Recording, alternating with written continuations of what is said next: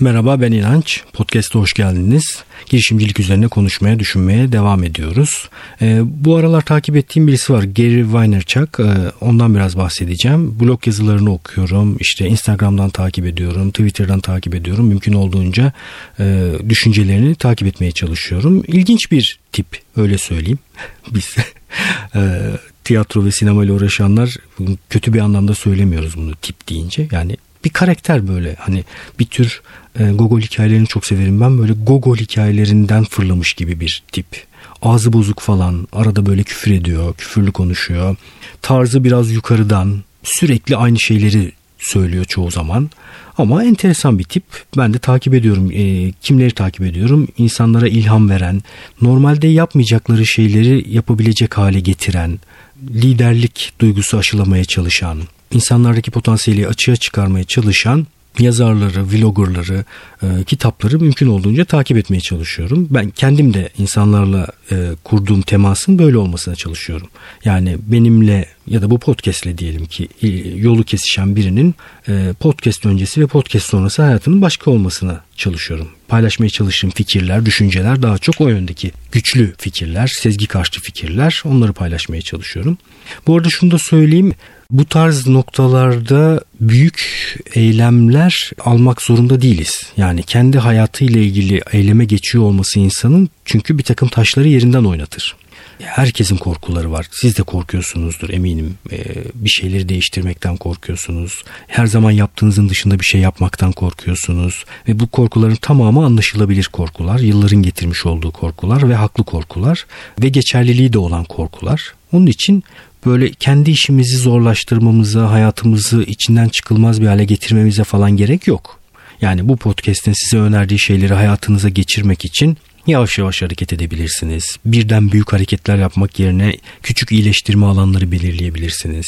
İşinizden istifa etmek gibi bir duygunuz vardır içinizde. Bu podcast ile karşılaşmışsınızdır. Bu güç, bu duygu güçlenmiştir. Birden bunu hayata geçirmek yerine belki e, işin içerisinde kalma biçimini bir beceri geliştirmeye dönüştürebilirsiniz. Yakın dönemde e, okuduğum şeylerden birisi bu. Güney Kore'de galiba ya da Kuzey Kore emin değilim. E, second skilling diye bir şey çıkmış. Yani hükümet insanlara belli miktarda eğitim parası veriyor ki bulundukları işte kendi becerilerini geliştirsinler diye. Yani bundan sonraki işine giderken daha iyi halde gitsin diye. Çünkü bu oyunu oynayan oyuncular o ülke içerisinde daha iyi oynuyor olmaları hepsi için iyi. Ben de hep bu mantıkla yaklaşırım. Yani sizin mutsuz olduğunuz, kendinizi verimli hissetmediğiniz, iyi olmadığınız bir iş yerinde çalışmanızın iş yerine de faydası yok. Onun için orada bulunma biçiminizi daha iyi hale getirmek hepimiz açısından değerli.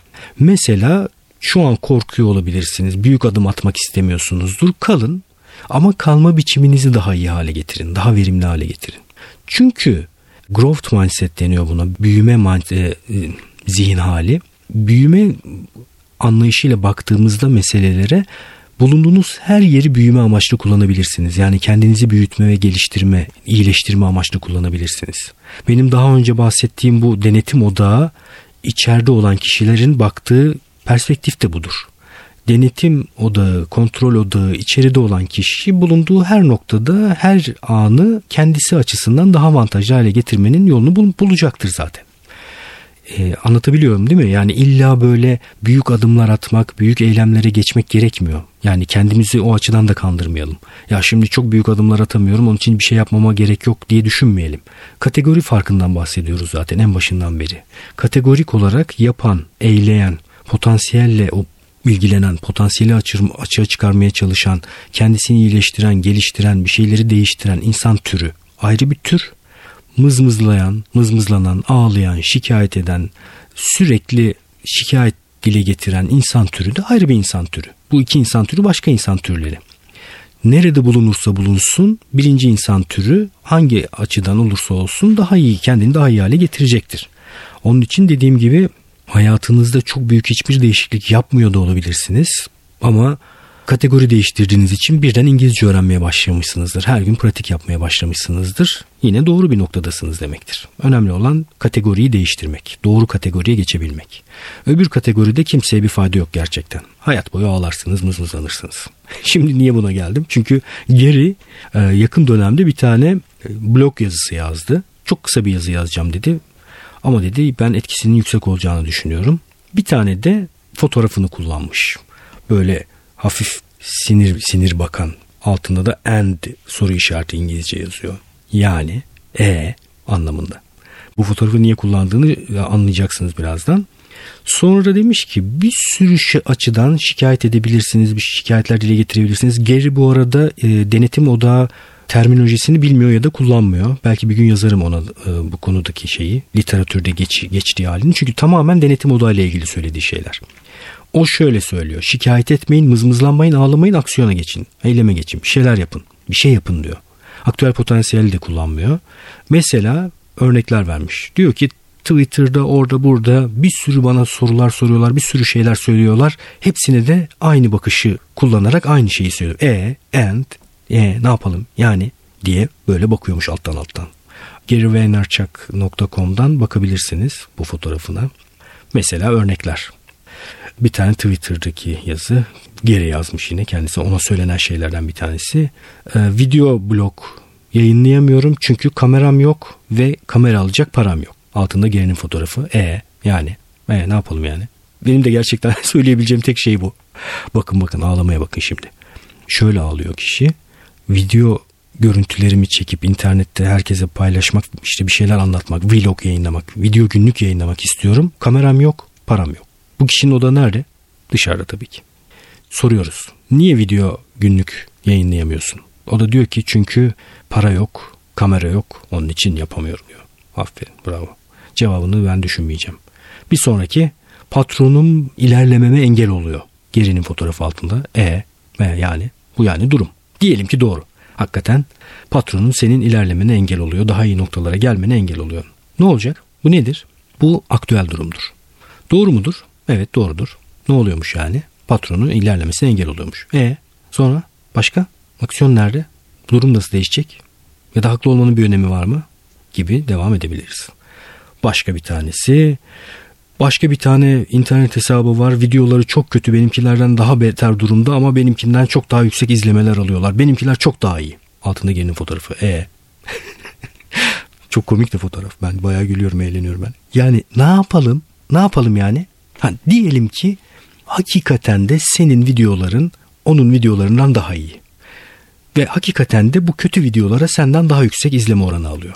Nasıl yaklaşman lazım bu meseleye? Bir, bir kere bazı sonuçlar durduk yere ortaya çıkmaz. Senden daha yüksek izleme sonuçları alıyorsa yaptığı bir takım şeyler vardır. Bakın dikkat edin buna. Yaptığı bir takım şeyler vardır. Öyle bir takım eylemlerde bulunmuştur ki bu izleme oranlarına ulaşmıştır. Sen ne yapacaksın ona bakman gerekiyor. Sen daha iyi izleme oranlarına nasıl kavuşacaksın? Ee, erkek arkadaşım girişimci olmamı desteklemiyor. Altında gerinin fotoğrafı. E, e ne yapalım yani? Ne olacak? Sonuç? Ne değişecek? Sen ne yapacaksın ya da bununla ilgili, bu meseleyle ilgili. Bir başka Twitter mesajı. Çok fazla borcum var. Altında gerinin fotoğrafı. E ne yapalım yani? Bakın yine tamamı aynı şey. Bir durum tarif ediliyor. Bu durum doğru da olabilir. Kişi haklı da olabilir. Vah vah yazık falan olabilir. Bütün bunlar tamam. Durum bir kere aktüel durum. Yani başka türlü olması mümkün olan bir durum. Başka türlü olması için kişinin bir şeyler yapabileceği bir durum, değiştirebileceği bir durum. Yani borç dediğimiz şey azaltılabilir değil mi? Daha az hale getirilebilir. Ya da borç olmasının bir takım nedenleri vardır. Kişinin eylemleriyle ilgili bir takım nedenleri vardır. Durduk yerde kimse kimseyi borçlu hale getirmez. Kişi o borçları almıştır. Haklı borçlar olabilir ona bir şey demiyorum ama yine haklı borçların da bir takım nedenleri vardır. En nihayetinde çok borcum var cümlesi şikayet cümlesidir. Aktüele dair bir cümledir. Kişinin elinden aksiyonu alan bir cümledir ve değiştirilebilir. Meseleye biraz böyle bakınca geriye daha fazla devam etmeye gerek yok Weinberg'e. Siz de daha sonra okuyabilirsiniz. Böyle işte 20-30 tane şikayet sözü e, getirmiş ve bu 20-30 tane şikayet sözü içerisinden de hepsinin altına aynı fotoğrafı koyarak e e yani demiş. Aksiyon nerede? Nasıl değişecek bu durum? Yani bunları dile getiriyor olmanın ne önemi var ki demiş. Yine yakın dönemde koyduğu videolardan bir tanesinde Toys R Us'la ilgili bir şey paylaşmıştı. E, Toys R Us o dönemde çok iyi bir e, perakende oyuncak satışçısı iken e, işte Amazon'da oyuncaklarını satmaya çalışıp bir takım başka perakende zincirlerde oyuncaklarını satmaya çalıştı diyor Gary. E, fakat o dönem şunu fark etmedi ki dünya değişmekte. Yani bir takım eylemler almazsan, inovasyon yapmazsan devam etmen mümkün değil. Ama tembellik ettiler. Harekete geçmediler. Her zaman gibi her şeyin olacağını düşündüler ve bu harekete geçmemelerinin sonucunu da yavaş yavaş görecekler dedi videoda. Çok doğru. İnovasyon için yani yerinde duyu, durup yerinde sayıp bir şeyleri değiştirmeden daha iyi bir noktaya gelmeyi beklemek hem kurumlar açısından hem kişiler açısından hiç mümkün değil. Nokia bizim her gün öğrende yine ele aldığımız vakalardan bir tanesiydi. Nokia'nın CEO'su böyle hafif gözyaşları içerisinde gözleri buğulanmış bir şekilde bir konuşma yapıyor bir keresinde. Yanlış hiçbir şey yapmadık ama şu anda batmak durumundayız, batıyoruz demişti bir konuşmasında. Çünkü yanlış bir şey yapılmasına bile gerek yok. O kadar hızlı bir şekilde ilerliyor ki e, günümüzde meseleler.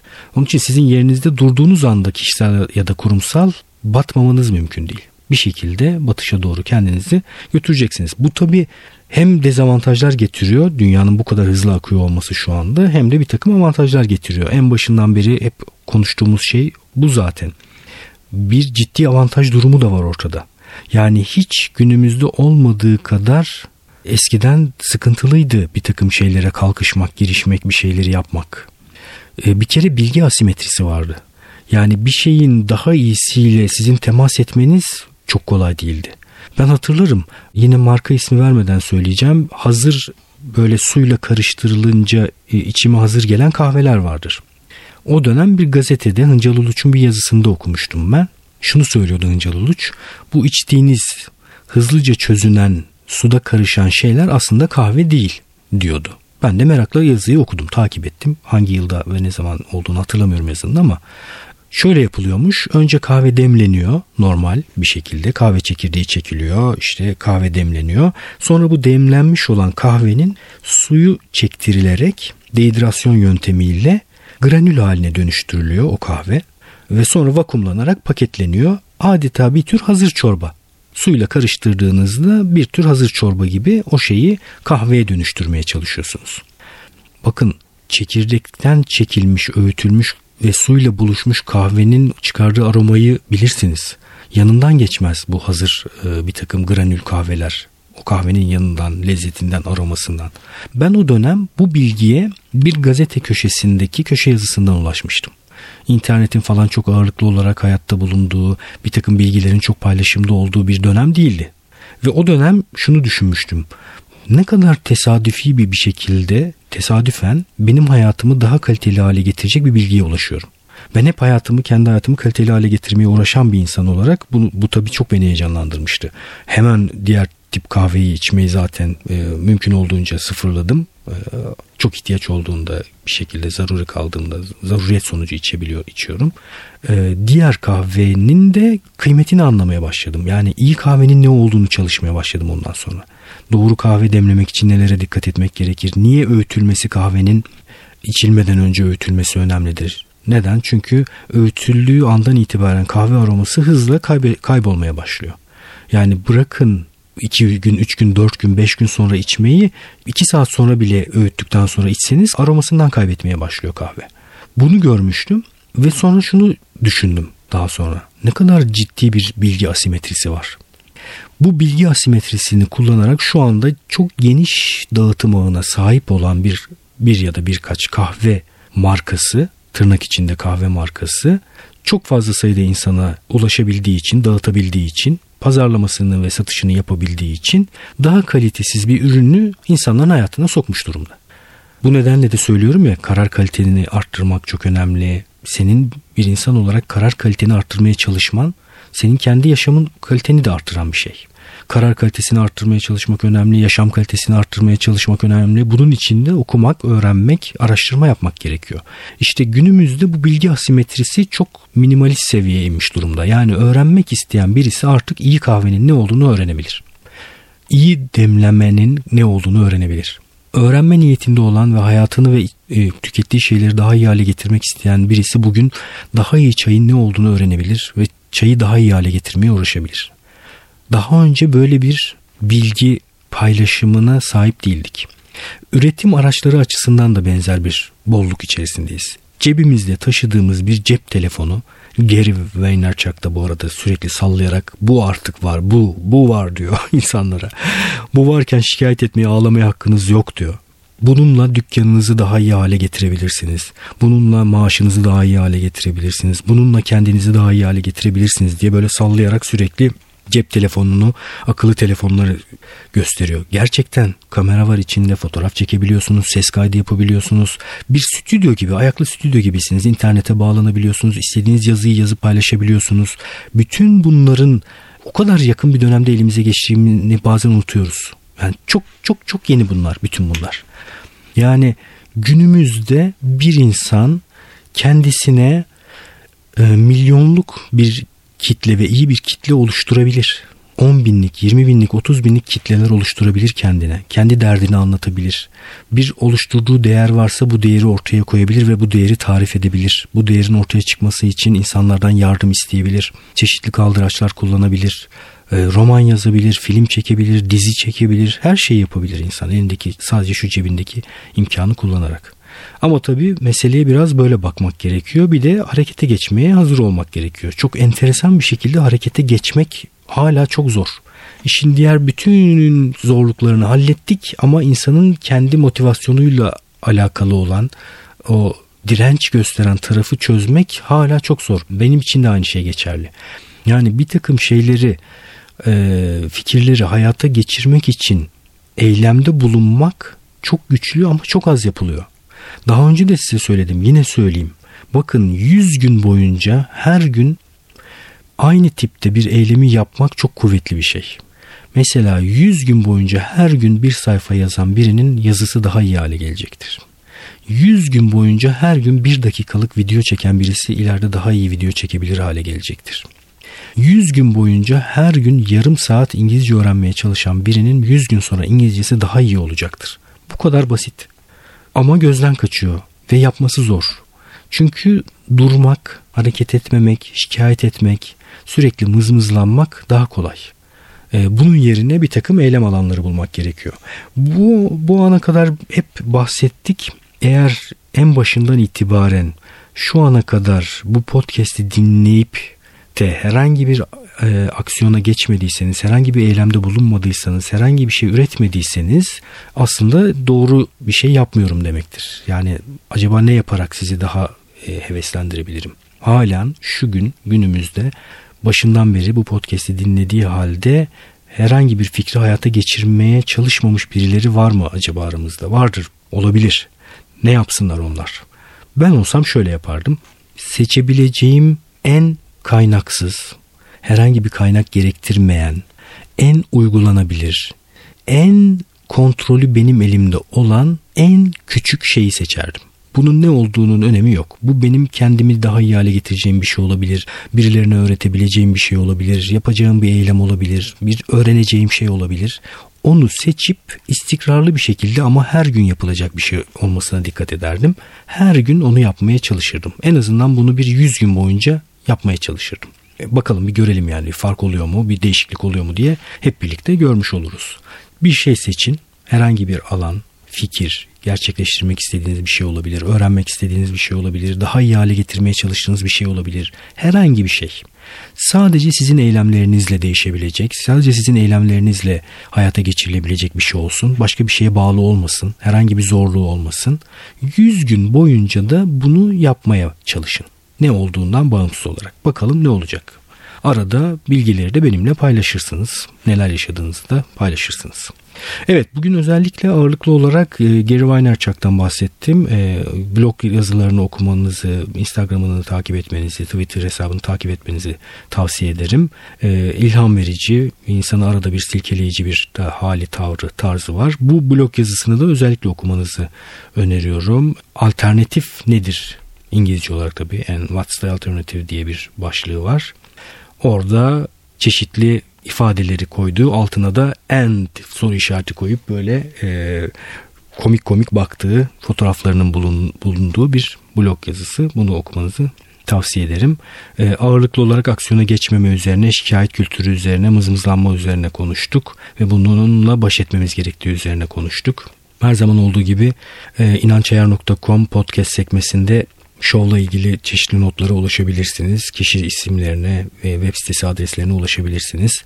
Bana inanç.fikritesat.com adresinden e-posta gönderebilirsiniz. E, şu ana kadar yaptığımız podcastlerle ilgili görüşlerinizi paylaşabilirsiniz. Bir sonraki bölümde görüşmek üzere.